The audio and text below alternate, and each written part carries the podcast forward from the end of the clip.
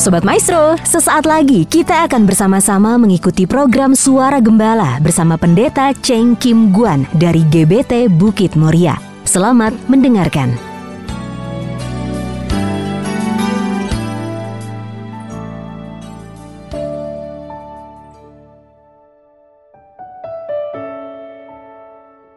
Shalom, Ibu Bapak Sobat Maestro di mana pun berada.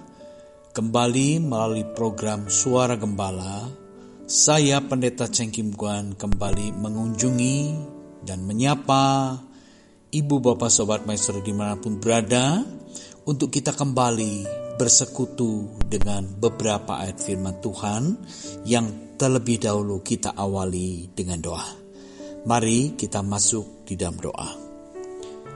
Kami mengucap syukur kepadamu Bapa oleh segala kasih setia Tuhan yang begitu nyata dalam kehidupan kami.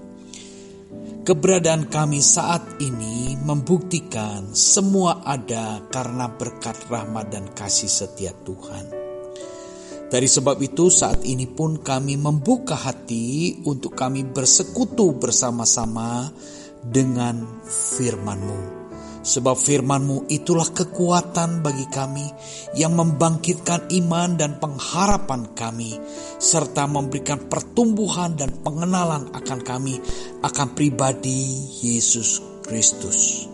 Terima kasih untuk kesempatan yang Tuhan berikan. Kami mohon urapan Allah menyertai, mengurapi, memberkati seluruh pendengar maestro di mana pun berada sehingga kami semua dapat mencerna kebenaran firman-Mu, mencerna firman yang hidup yang memberkati kami semua. Berkati dan urapi juga hamba-Mu yang tanah liat ini, mohon hikmat Allah menyertai dan mengurapi kami semua. Berbicaralah bagi kami semua ya Bapa, sebab kami siapkan hati dan kami rindu bersekutu dengan firman-Mu. Dalam nama Tuhan Yesus Kristus, Hamba panjatkan peralaskan segala doa ini. Haleluya. Amin. Puji Tuhan. Ibu bapak sobat maestro terkasih, pada kesempatan kali ini kita mau sama-sama merenungkan apa pesan-pesan Tuhan yang disampaikan melalui hambanya yaitu Rasul Paulus. Ya, Rasul Paulus ingin menyampaikan sesuatu hal yang sangat penting untuk diketahui oleh orang-orang percaya. Pada umumnya, orang percaya kepada Yesus Kristus karena apa? Karena perkataannya, firmannya berkuasa. Karena kuasanya menyembuhkan dan mengadakan berbagai macam mujizat.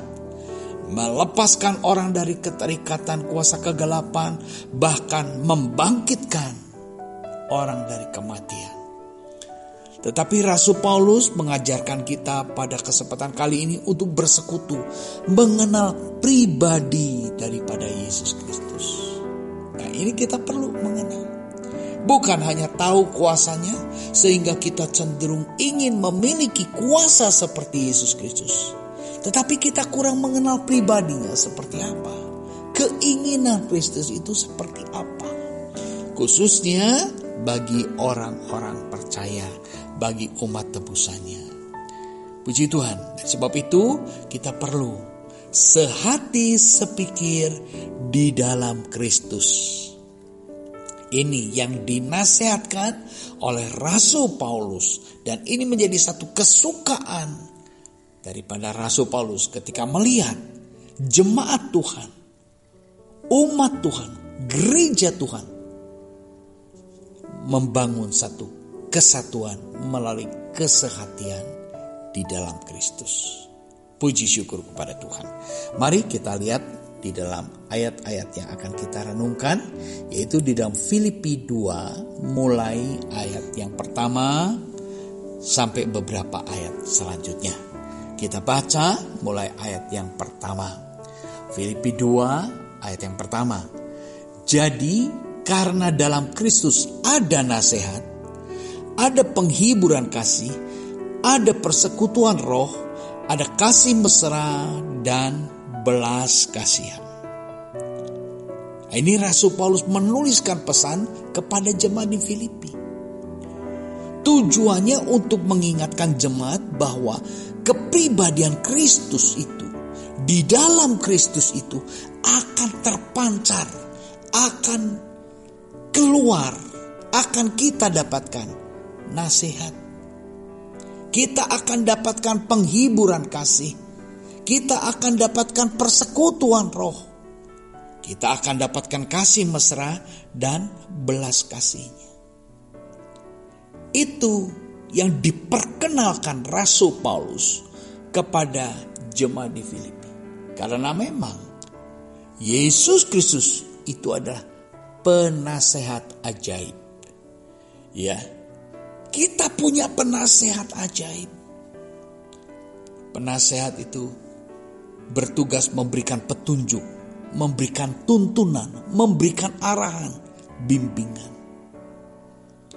Di dalam Kristus ada penghiburan kasih. Kenapa orang perlu dihiburkan? Ya, karena orang hidup di dalam dunia ini tidak lepas dari apa yang dinamakan pergumulan, permasalahan, tantangan hidup. Ya, jadi kalau kita menghadapi tantangan di dalam kehidupan ini, sadarilah, ketahuilah bahwa memang kita masih hidup di dalam dunia ini.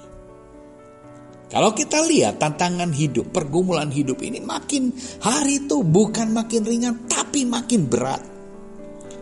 Ya, kita mendengar kita sedang mengalami pandemi yang belum terselesaikan. Omikron yang terus merambak. Banyak sekali orang yang terpapar Omikron. Lalu kita juga mengalami kesulitan-kesulitan lainnya ya ibu-ibu khususnya ya perlu minyak goreng mengalami kesulitan dan banyak hal. Lalu sekarang juga sedang terjadi nih Rusia dan Ukraina yang sedang mengalami persengketaan peperangan. Ini pun akan berdampak bagi dunia, bagi umat manusia. Ini tantangan-tantangan yang tidak bisa kita hindarkan, tetapi mau tidak mau. Dari sebab itu, kita perlu penghiburan.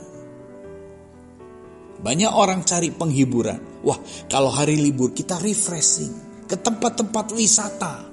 Sampai kita juga sama mendengar beberapa hari yang lalu di puncak, ya, puncak Jawa Barat sana. Kita mendengar ada beritanya. Macet kemacetan jalan raya lalu lintas di puncak itu sampai 17 jam bayangkan. Kenapa orang bisa datang ke sana? Tujuannya tuh refreshing, ingin mendapat penghiburan.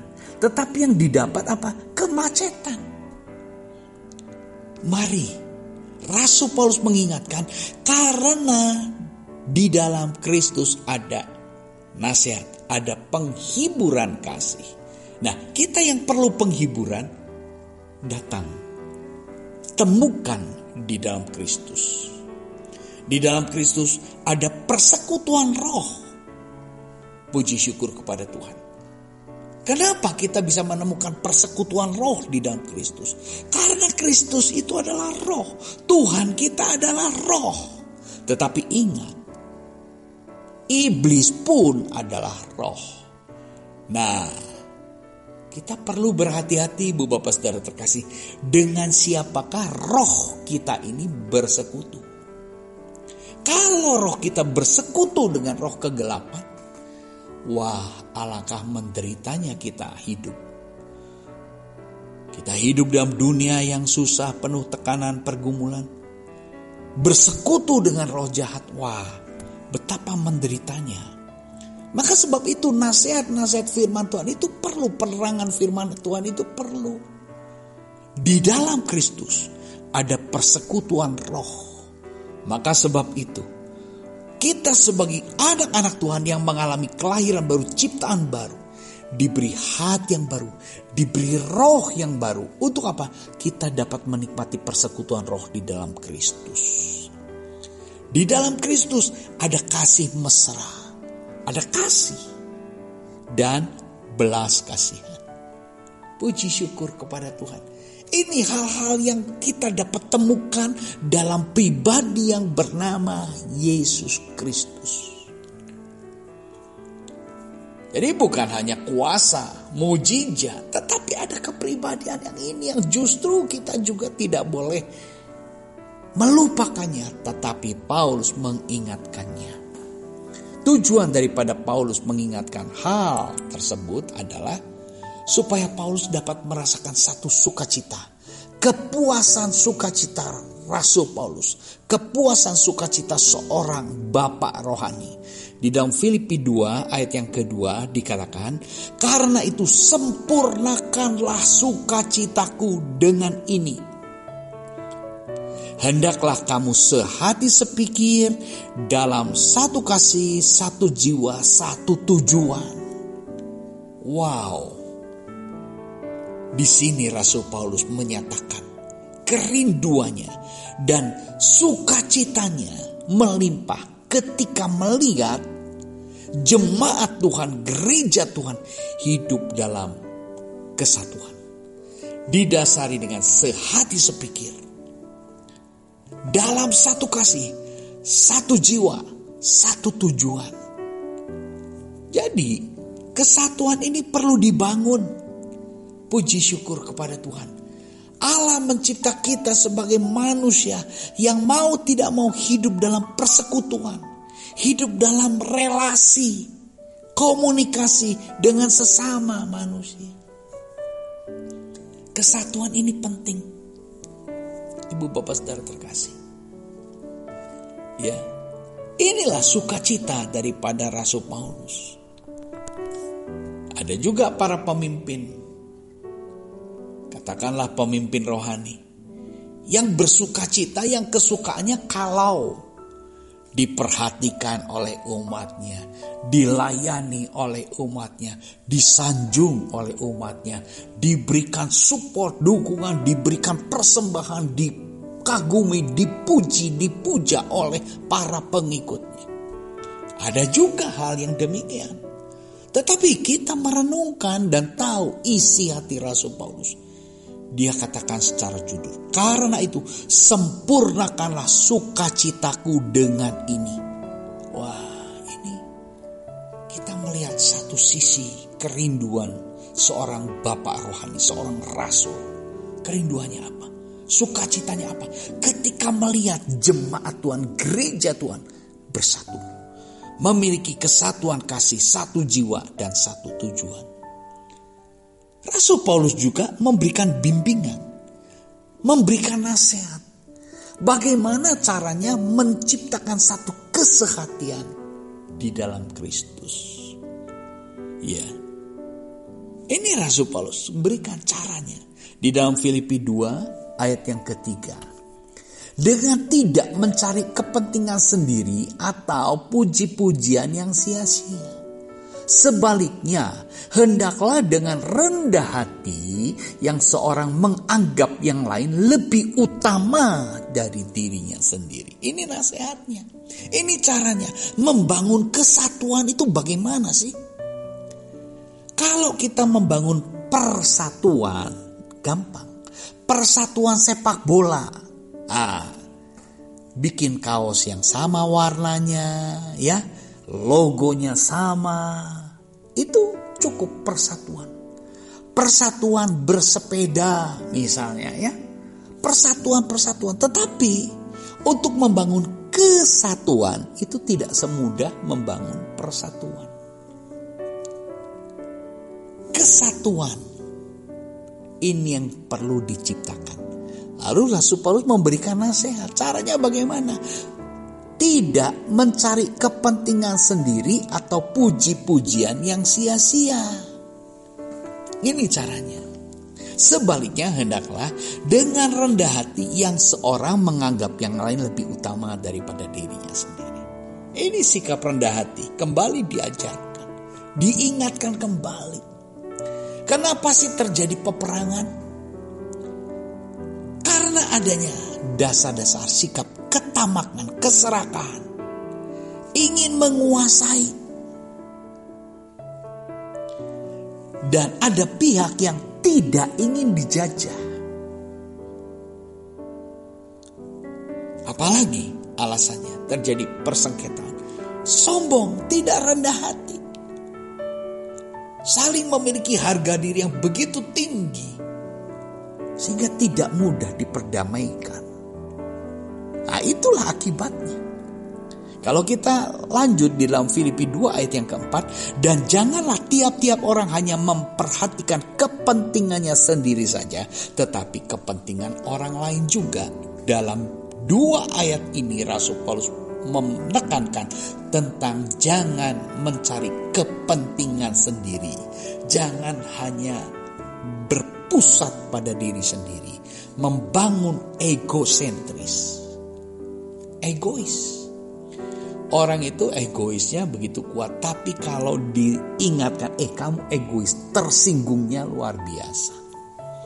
Ya orang itu tahu bahwa kalau dikatakan dirinya egois, dia tersinggung. Kenapa? Karena dia menyadari egois itu satu karakter kepribadian yang sangat tidak baik. Dari sebab itu Rasul Paulus mengingatkan, hati-hati itu bisa menciptakan berbagai-bagai persengketaan Nah, nasihat-nasihat itu membawa orang untuk masuk di dalam kehidupan, kebersamaan, kesehatian, sepikir di dalam Kristus. Di dalam Filipi 2 ayat yang kelima dikatakan, Hendaklah kamu hidup Hendaklah kamu dalam hidupmu bersama menaruh pikiran dan perasaan yang terdapat juga dalam Kristus Yesus. Waduh, ini hal yang penting sekali. Hendaklah kamu dalam hidupmu bersama menaruh pikiran dan perasaan yang terdapat dalam Kristus Yesus. Ini satu hal yang harus dimiliki oleh setiap anak-anak Tuhan yang mengalami kelahiran baru, menjadi ciptaan baru di dalam Yesus Kristus. Kalau kita mengaku sebagai anak-anak Allah, apa cirinya? Terlalu banyak orang, ah kita anak Allah, kita menuntut punya kuasa seperti Allah. Tetapi sayang jika kita tidak memiliki kepribadian seperti Allah. Ya. Ini citra kita sebagai anak Allah. Kita pancarkan kepribadian seperti Kristus. Hendaklah kamu dalam hidupmu bersama menaruh pikiran dan perasaan yang terdapat juga dalam Kristus Yesus. Ini satu ajaran, satu nasihat yang begitu mendalam yang Rasul Paulus sampaikan kepada orang-orang Filipi. Dan yang kita renungkan saat ini, ada pesan yang begitu mendalam yang perlu kita perhatikan. Kita sebagai anak-anak Tuhan, milikilah pikiran dan perasaan yang terdapat di dalam Kristus. Lalu Rasul Paulus juga memberikan teladan. Dia tidak menunjukkan kepada pribadinya sendiri, tetapi dia menunjukkan teladan utama yang harus dijadikan oleh setiap anak-anak Tuhan, yaitu Kristus menjadi teladan hidup. Di dalam Filipi 2 ayat yang ke-6, yang walaupun dalam rupa Allah tidak menganggap kesetaraan dengan Allah itu sebagai milik yang harus dipertahankan. Ya, Rasul Paulus di dalam memberikan arah panduannya untuk membangun kesatuan, kesehatian di dalam Kristus. Lihat teladannya. Teladannya Kristus. Yang telah mengosongkan dirinya. Tidak mempertahankan kesetaraan dengan Allah sebagai milik yang harus dipertahankan. Karena Rasul Paulus menasihatkan. Hendaklah saling rendah hati. Rendah hati seperti apa? Sering kan kita bertanya, wah kita harus belajar rendah hati. Rendah hatinya seperti apa ya? Nah ini, seperti Kristus. Yang tidak menganggap kesetaraan dengan Allah. Yang tidak mempertahankan kesetaraan dengan Allah. Artinya kesetaraan dengan Allah itu tidak dipertahankan. Artinya dia berani melepas kesetaraan dengan status sebagai anak-anak Allah. Di dalam Filipi 2 ayat yang ketujuh melainkan telah mengosongkan dirinya sendiri dan mengambil rupa seorang hamba dan menjadi sama dengan manusia. Mengosongkan dirinya sendiri. Itu Kristus. Mengosongkan dirinya sendiri. Berinisiatif dari dirinya sendiri. Untuk apa? Mengosongkan dirinya sendiri. Wah ini hal yang sangat luar biasa ibu bapak saudara terkasih. Kita memiliki teladan yang begitu luar biasa. Mari kita teladani Kristus. Mari kita sehati sepikir di dalam Kristus.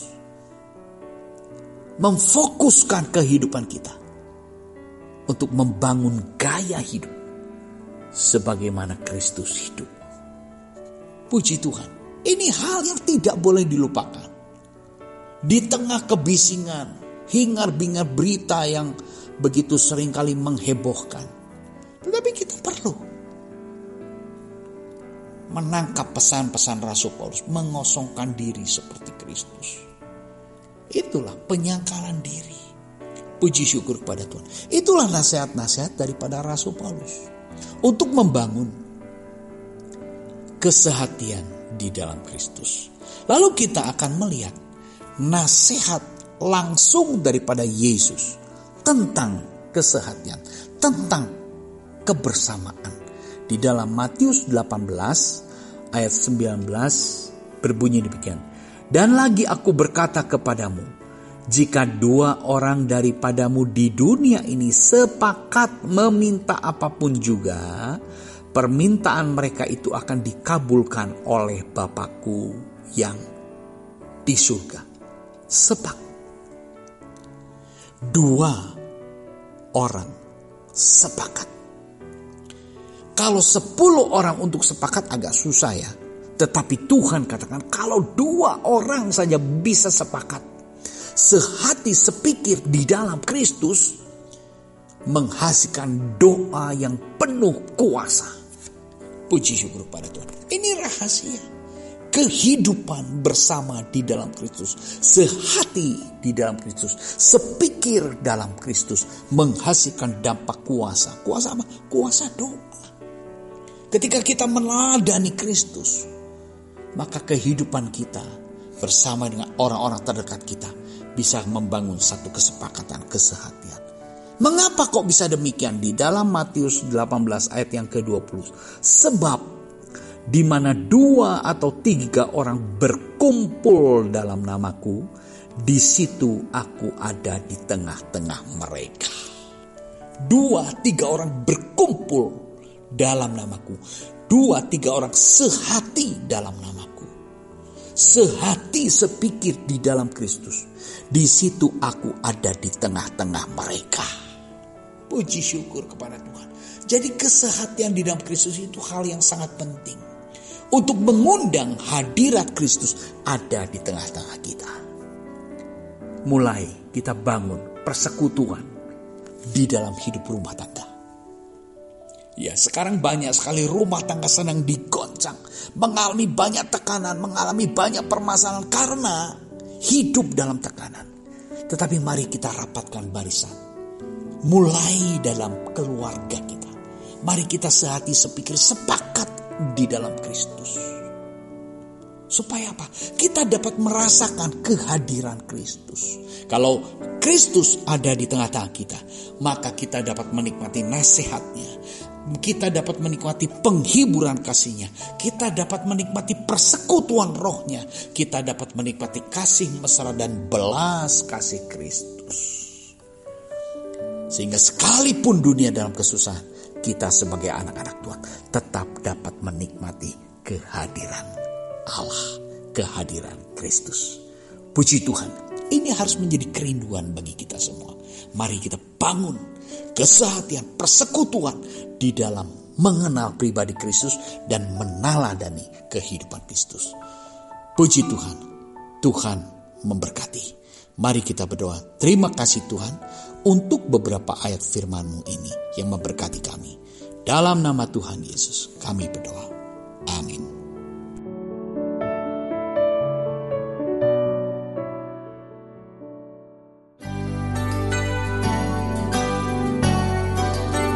Sobat Maestro, Anda baru saja mendengarkan program Suara Gembala bersama Pendeta Cheng Kim Guan dari GBT Bukit Moria. Dengan tempat ibadah Jalan Bojong Raya Komplek Permata Indah, Blok J nomor 24 Bandung. Phone 0822 1614 3298. Terima kasih atas kebersamaan Anda. Tuhan Yesus memberkati.